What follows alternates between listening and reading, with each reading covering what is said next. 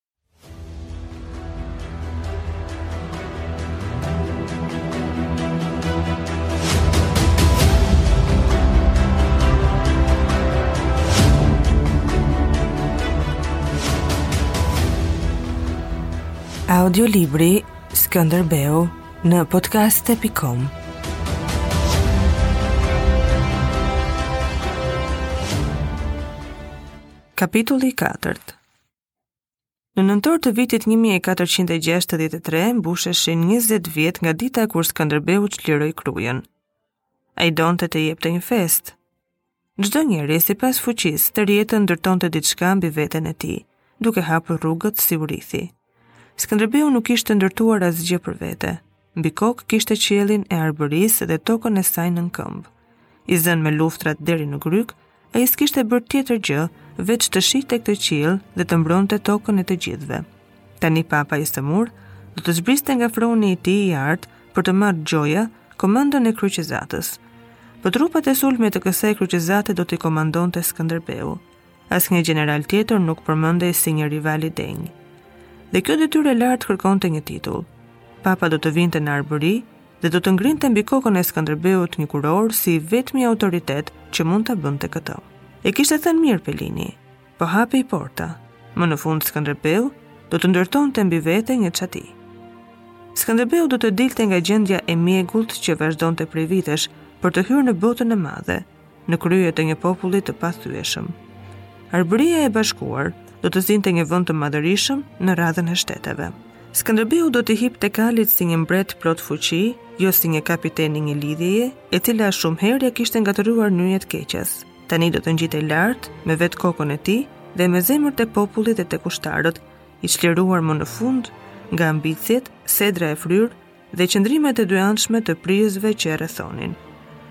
Me paqen që bëri 9 muaj më parë, Skënderbeu kishte shpëtuar Arbërinë dhe me këtë akt të madh ai u vu në një pikë prej nga mund të vrojtonte ngjarjet e vitit 1463 me qetësi e duke pasur lojën në dorë.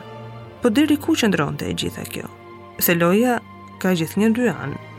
Nëse Mehmeti ia dilte përsëri të përçante Evropën, duke veçuar së pari Arbërinë, më në fund do t'i kthehej kësaj duke kërkuar llogari të dyfishtë.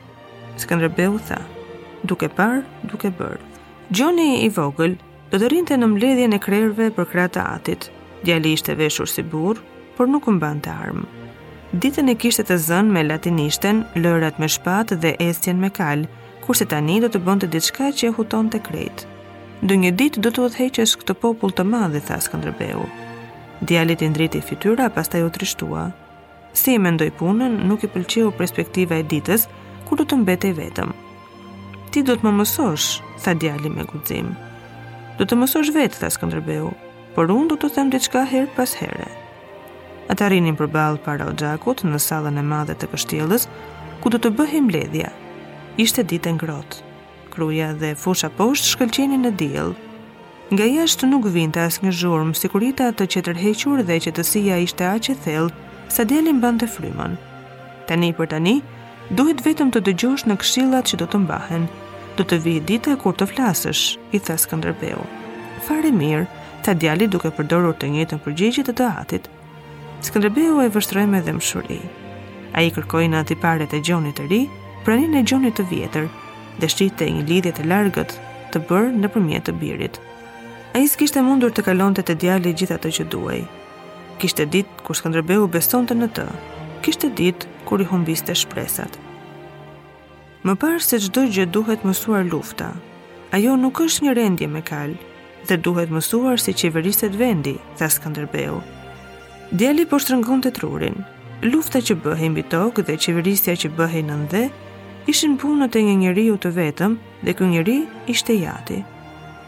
Ti babi ke bërë të gjitha, i tha djali. Ashtu si bëri im atë për mua, tha Skënderbeu. Gjyshi ishte fatkeq dhe vdiq shumë i mërzitur, tha djali. Kush e thotë këtë, pyeti Skënderbeu? Hallë Mamica. Te dritarja rrinte Gjoni plak, me fytyrë të merakosur. Kohët e fundit, Skënderbeu e përfytyronte shpesh si të ishte ulur në fronin e tij prej dru lisi. Me duart në prehër, me kokën rrumbullake të mbuluar nga flokët e argjendtë si drizë, Plaku kishte në sytë e mjegullt një trishtim të thellë dhe shikonte tej Skënderbeut.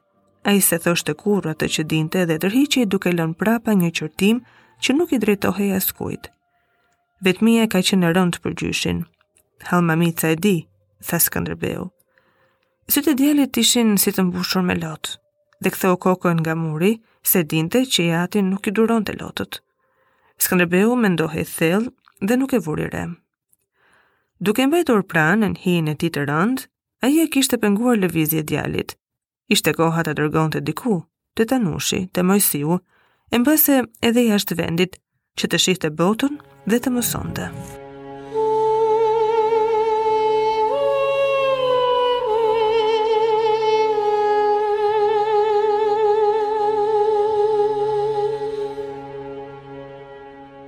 Audiolibri Skënderbeu në podcast.com